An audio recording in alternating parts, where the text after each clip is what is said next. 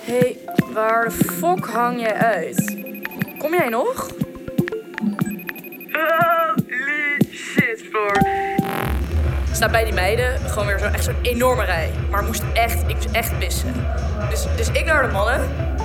Staat Ryan daar, hè? Staat hij daar, dus ook bij die Dixie, weet je wel, waar, waar ze allemaal aan het snuiven zijn.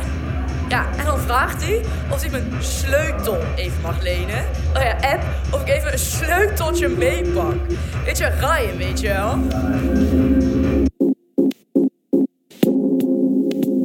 Fijn dat je er weer bent. Dit is de tweede aflevering van de podcast Kijk niet weg. Over. Zo vroeg mogelijk bij te zijn en om een beetje informatie te kunnen geven, kunnen al heel wat dingen voorkomen worden. Ja. En over. Loslaten. En dat voelt soms wel heel erg slecht. En over. De bekende rock bottom. De rock bottom, ja. Ja, dat is eigenlijk het kantelpunt. Sommige momenten kunnen je leven voor altijd veranderen. Tot, tot 18, 19 jaar ben ik eh, overgestapt naar kooksnuiven. En eh, uiteindelijk eh, zoveel pijn in mijn neus dat ik gewoon eigenlijk niet meer kon snuiven. Morris. Het heeft lang geduurd voordat er een ommezwaai kwam in zijn leven. Van drugsgebruik naar clean. En toen heb ik de switch gemaakt om, eh, om kook te gaan roken, dus crack te gaan gebruiken. Omdat mijn neus en mijn gezicht het niet meer kon. Uiteindelijk is het daardoor heel snel gegaan, want door de crack ervaar je heel snel die high, maar ook heel snel die down. Dus je, je hebt vele malen meer nodig dan als je het snuift. Uiteindelijk kost het dus ook heel veel geld. Dus uiteindelijk ben ik eh, in aanraking gekomen met mensen die heroïne deden maken en mixen. Heb ik eh, voorgesteld om de heroïne eh, te mixen en te persen voor hun. Zodat hun mij uitbetaalden in kook. Zodat ik dat weer kon uitkoken en crack van kon maken. Voor, voor eigen gebruik. Ja, bij mij was... Maar, maar ik herken heel erg wat Morris zegt. Jules. Ook zijn persoonlijke verhaal is dat van een jointje naar volledig herstel. Als ik 's morgens opstond en eh, het was er niet, dan verviel gewoon alles. Dan, eh, eh, mijn hele leven ging als het ware op de pauzebank. Want het eerste wat geregeld moest worden. En, dan zeggen ze, cannabis is geen harddrugs. Nou, het eerste wat voor mij geregeld moest worden was cannabis. Later ook de hardere middeltjes. Uiteindelijk eh, rookte ik tussen de 5 en de 10 gram per dag, crack. En eh, zijn er ook momenten geweest dat het gewoon ook echt op was. En ik had natuurlijk superveel heroïne thuis. En eh, ik had altijd met mezelf afgesproken... ik wil alles gebruiken in mijn leven behalve de heroïne. Maar die, die drang naar de coke die was zo intens... en ik had echt het gevoel dat ik het moest downen. Toen heb ik eh, voor de allereerste keer... eh, ik denk, weet je wat, het is bruin. Het is dezelfde kleur als de hash. Dus ik denk, ik ga het in een jointje gooien. En dan ga ik kijken hoe het is. En ik pak een hijs van die, van die heroïne in die joint. En ik ben meteen verkocht. Uiteindelijk ben ik dus eh, dag in dag uit heroïne gaan gebruiken. En eh, ja, toen is het in drie, vier jaar is het zo snel achteruit gegaan... dat ik eh, in een hoekje op een kamer zit of in het huis zitten... en niet kunnen bewegen. En dan toch maar weer crack roken om een high te krijgen. En uiteindelijk weer te high te zijn en dan weer die downer te pakken, die heroïne. Ja, en dan zo gewoon dag in dag uit. Kwijlend op een stoel, voorover gebukt zitten. Ja, dat is mijn bottom. Nou, ik denk in een jaar, anderhalf jaar... Ging, in één keer geen contact meer te hebben gehad met mijn ouders. eh stond mijn moeder in één keer voor de deur. En ehm, die... eh, ik maakte de deur open en die vraagde mij, gaat het nog wel? En eh, ja, er, was niks meer van me over. Ik was gewoon super dun. ik ben niet klein en ik woog maar eh, 62 kilo. Ja, ik barst in tranen uit en ik zeg, het gaat niet meer. Hey, Ryan komt net in de pauze naar mij toe. Zegt hij van, eh, ja, ik heb ook altijd een grens getrokken en ik zou ook nooit iets door mijn neus willen proberen. Maar dat hij tijdens corona ook een keertje cat is gaan proberen en sos. En dat is echt dan hele goede shit, zegt Ryan. Tegenwoordig zie je dus heel veel ja, miauw miauw, poes, ja, 3-MMC, 4MC of daar weer varianten op, 3-CMC. Dat wordt op dit moment veel gebruikt onder jongeren. En ook al op vrij jonge En leeftijd. over welke leeftijd dan? Vanaf de 15, ja. We gaan op pad met Hein Hendricks. Hij werkt bij de GGZ-instelling Vincent van Gogh. Jongeren hebben soms zelf vragen over hun eerste drugservaring. Maar vaak komen ze met Hein in contact door hun ouders. Voorheen sprak ik rond die leeftijd vooral jongeren die wat te veel alcohol hadden gedronken of aan blowen waren. Maar er was maar een enkeling die ik op die leeftijd sprak die al ja, harddrugs gebruikte. Dat is nu dus wel anders. Ja. Dat snuiven lijkt wel ontzettend genormaliseerd te zijn opeens. En dat is wel iets wat ik misschien wat tijdens de corona en na eh, wat is doorontwikkeld, zeg maar. Boah, er zijn natuurlijk meerdere oorzaken. Uh, een van de oorzaken is dat we het als overheid misschien te lang uh, de andere kant op hebben gekeken. En dat hebben laten gebeuren. Politie Limburg, Ron Lomme. Uh, maar dat zie je ook met gamen, met videospelletjes, bepaalde videospelletjes. geweld is kennelijk heel normaal geworden. Noem maar een serie, Mokro Mafia bijvoorbeeld. Ja, dat heeft wel eens een invloed op straat. Als dat rolmodellen zijn, de, de drempel is weg. De drempel is weg. Stel bijvoorbeeld een scheiding van je ouders kan al een, een ontzettende impact hebben op een jongere. Dat, is al decennia lang. dat klopt, ja. ja. Um, maar waarom pakken ze dan nu dat pilletje daarbij dan? Uh, makkelijk aan te komen? Makkelijk aan te komen inderdaad is. Um, dus dan maar dat. En voor hun, hun hebben niet zozeer meer een beeld van... dit is lichter of zwaarder dan elkaar of zo, zeg maar. En dat voor hun een manier is om er in ieder geval eventjes niet aan te denken... of even wat te verminderen, ja om de prikkels te kunnen verdragen, pakken ze dat pilletje. Gustav van der Mortel van de politie Limburg. Dus ik denk niet dat jongeren zich realiseren uh, dat ze daardoor de criminaliteit in stand houden. En dat ze daardoor eigenlijk indirect ook zorgen uh, dat er gevaar is voor de omgeving door de technieken van laboratoriums, hoe die ingericht zijn. In oude schuren uh, of loodsen. Ik denk zelfs dat de link niet wordt gemaakt als er wordt gezegd van nee, op het nieuws twee doden in een lab in verband met vergiftiging dat mensen dan nog niet in de gaten hebben van hé, hey, maar dat, is, dat neem ik in. Die rotzooi neem ik in. Ik merkte al vaker als ik het snuiven was dat, dat het zeg maar zo doordwarrelde naar. Uh, en ik wist dat je daar klaplongen van kon krijgen. En ik wist dat er van alles zou kunnen gebeuren. En toch, toch ging ik door. En zelfs op de parkeerplaats voor de detox, waar mijn moeder mij afzette om de, de kliniek binnen te lopen. Nou, dat was misschien nog 25 eh, meter. Zei ik, ja, man, wacht even. Maar ik ga eerst, dit is de laatste keer. En, en dat is de waanzin, zeg maar. Dus ik maakte keuzes, maar. Uh, en, en ik wist zeker dat ik. Uh, nou is het klaar. Nou is het echt klaar. Maar dat is dat, is dat, dat thema machteloosheid. Zeg maar, dat als, als je niet bij machten bent zelf, dan kun je zoveel keuzes willen maken als je, als je, als, je, als, je, als je wil. Maar dat is toch heel moeilijk om echt een keuze te maken. De keuze die je kunt maken is niet de keuze om te stoppen. De keuze die je kunt maken is de keuze om hulp te aanvaarden en je het over te geven aan. Want mijn beste denken bracht me niks meer. Ik denk dat als je het dan hebt over wat was voor jou het draaipunt, het moment waarop ik besefte dat ik eigenlijk niet meer op mijn eigen denken moest gaan vertrouwen.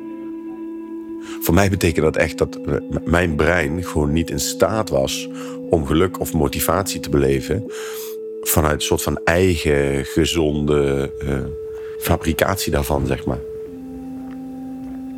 Ja, ik spreek met jongeren meestal zo'n vier keer ongeveer. Weten ze wat ze gebruiken?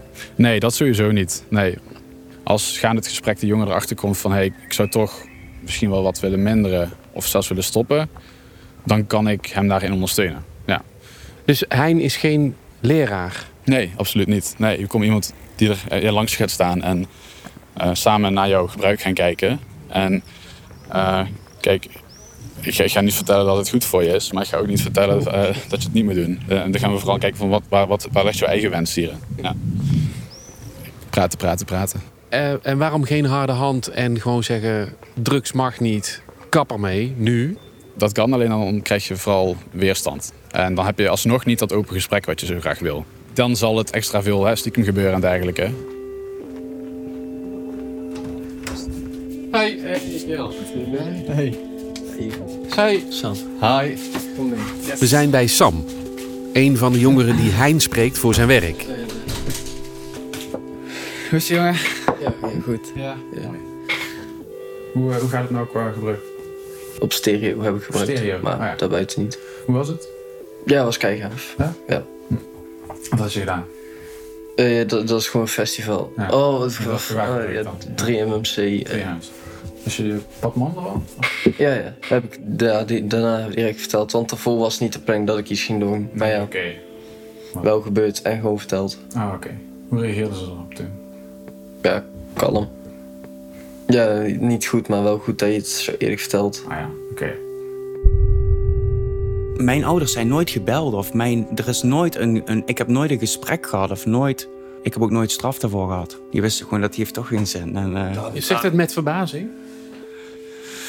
Ehm, ja. Ja, ik wil niet de snitch uithangen, maar ik denk, als, ik de leraar was geweest en er zouden minderjarigen in de klas hebben gezeten die ram van de kaart daar een, een pilletje zitten te vreten, of eh, zou ik in ieder geval een gesprek aanvragen met ouders of verzorgers om te vragen van, niet meteen zeggen van, ik denk dat zij of hij drugs gebruikt, maar wel de openheid van, we zien iets wat gewoon niet goed is en wat, wat, wat we in de cijfers zien en wat we in het gedrag zien, wat gaan we hiermee doen? En had dat dan geholpen op dat moment bij jou, denk je? Ik weet niet of het had geholpen, maar ik denk wel. Ik zeg ook niet dat ik dan misschien eerder was gestopt, of dat, dat weet ik niet. Hè. Dat, dat weet niemand. Maar ik denk wel dat het belangrijk is om juist zo die transparantie te creëren, ook op school. Een gesprek voeren, vragen stellen. Dat wil niet betekenen dat diegene op dat moment de keuze maakt: ik ga niet meer gebruiken. Maar diegene voelt zich, als het goed is, wel gezien. Diegene voelt zich als het goed is op dat moment, als je oprecht nieuwsgierig bent naar iemand: hé, hey, wat ben je aan het doen? Waarom ben je nou aan het gebruiken?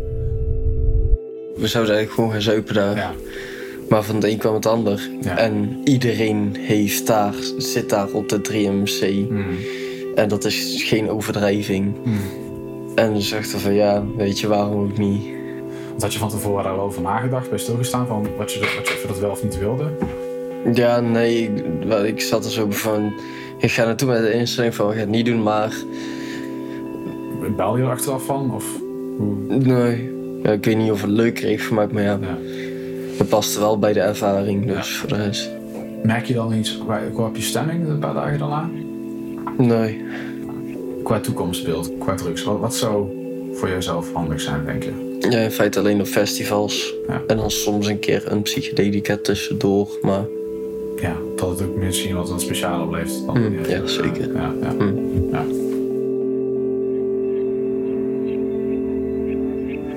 Als we toevallig in een vriendengroep zitten waar het veel ge- gebeurt, dan langzamerhand kan het toch wel gewoon eh, in je ook bij jezelf insluiten van ja, volgens mij is het toch gewoon vrij normaal en iedereen doet het, doet het dus waarom niet, zeg maar. Ja. En durven ze dan nee te zeggen? Niet altijd, nee. nee denk, Kun je nee zeggen in een groep? Het is echt sterk afhankelijk van die groep. Meestal kan je, kan je wel nee zeggen, maar dan, dan voelen ze zichzelf buitengesloten, snap je? En hoe zeg je dan nee?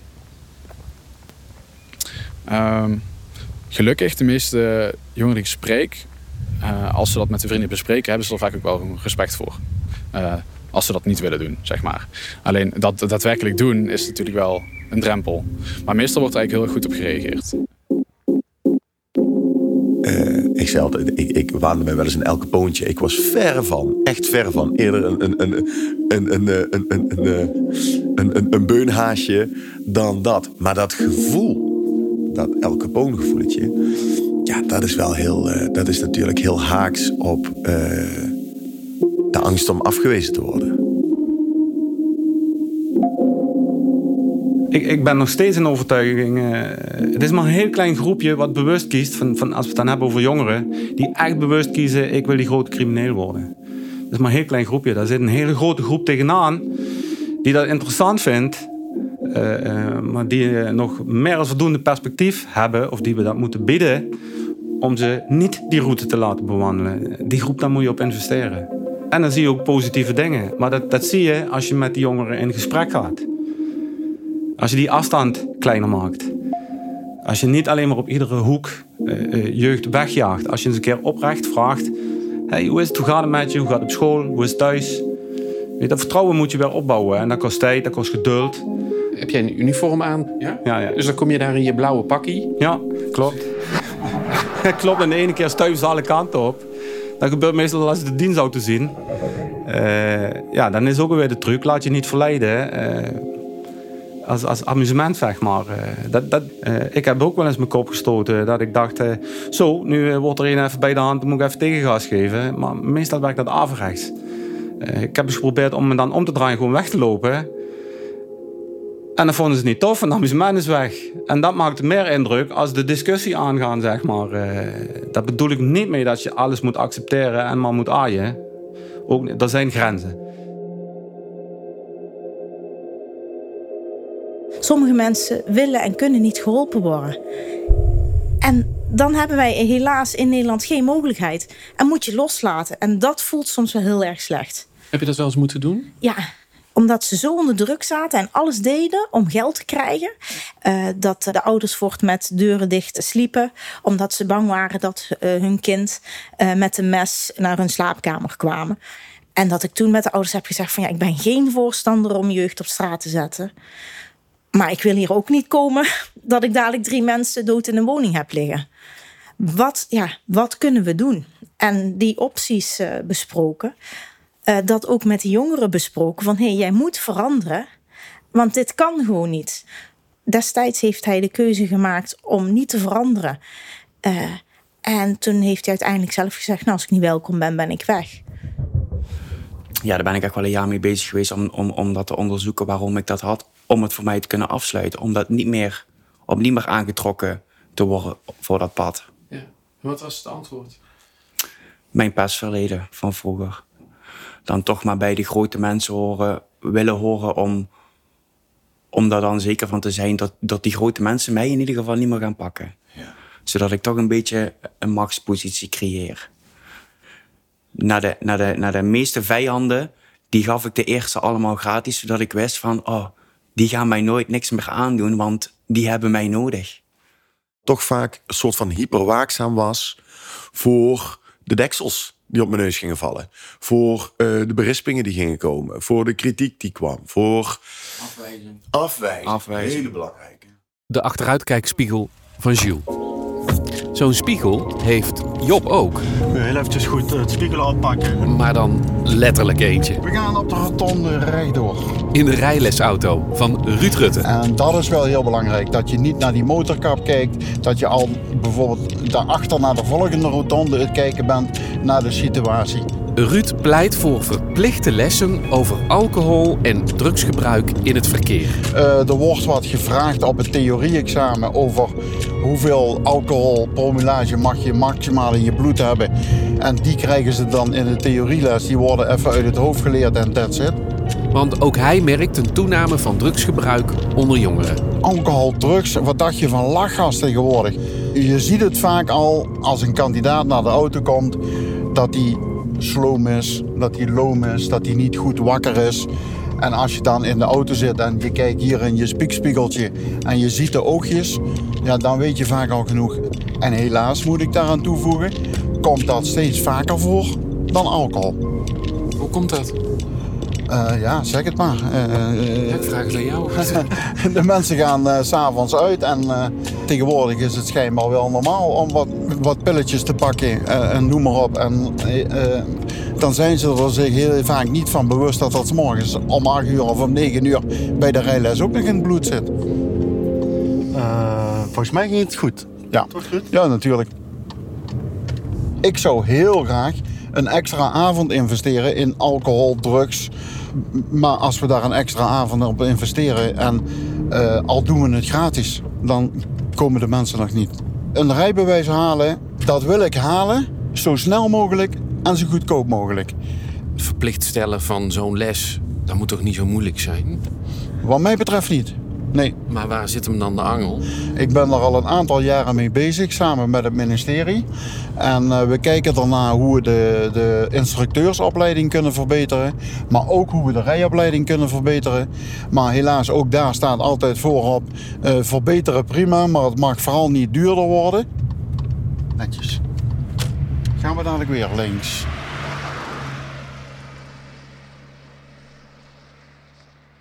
De weg naar de toekomst voor de een richting rijbewijs, voor de ander is dat naar een thuis. Ja, ik heb mensen verloren. Ja. Um, dat is kut. En uh, ja, ik vind het nog steeds heel raar, uh, omdat. Uh, om in die periode in, in actief gebruik mensen te verliezen aan overdoses of aan ongeluk of altijd toch wel een beetje wat drugsgerelateerd is. En dan nog niet, dat bij mij nog niet die ogen open gingen van Morris. Uh, het werkt niet. Je, je ziet dat er mensen gaan om je heen en toch door blijven gaan. Ja, dat is, dat is raar en ja. In de volgende aflevering van deze podcast ontmoeten we Mitchell. Ik heb er uh, ook al zin in, maar uh, ik denk heel veel gezonde zin. Zal hij slagen voor zijn eindexamen op de politieopleiding met zijn onderzoek over ondermijning? Notebook is nog steeds niet binnen. Ik heb wel al betaald, hè? Graag tot horens bij het laatste deel van deze podcast. Kijk niet weg. Later.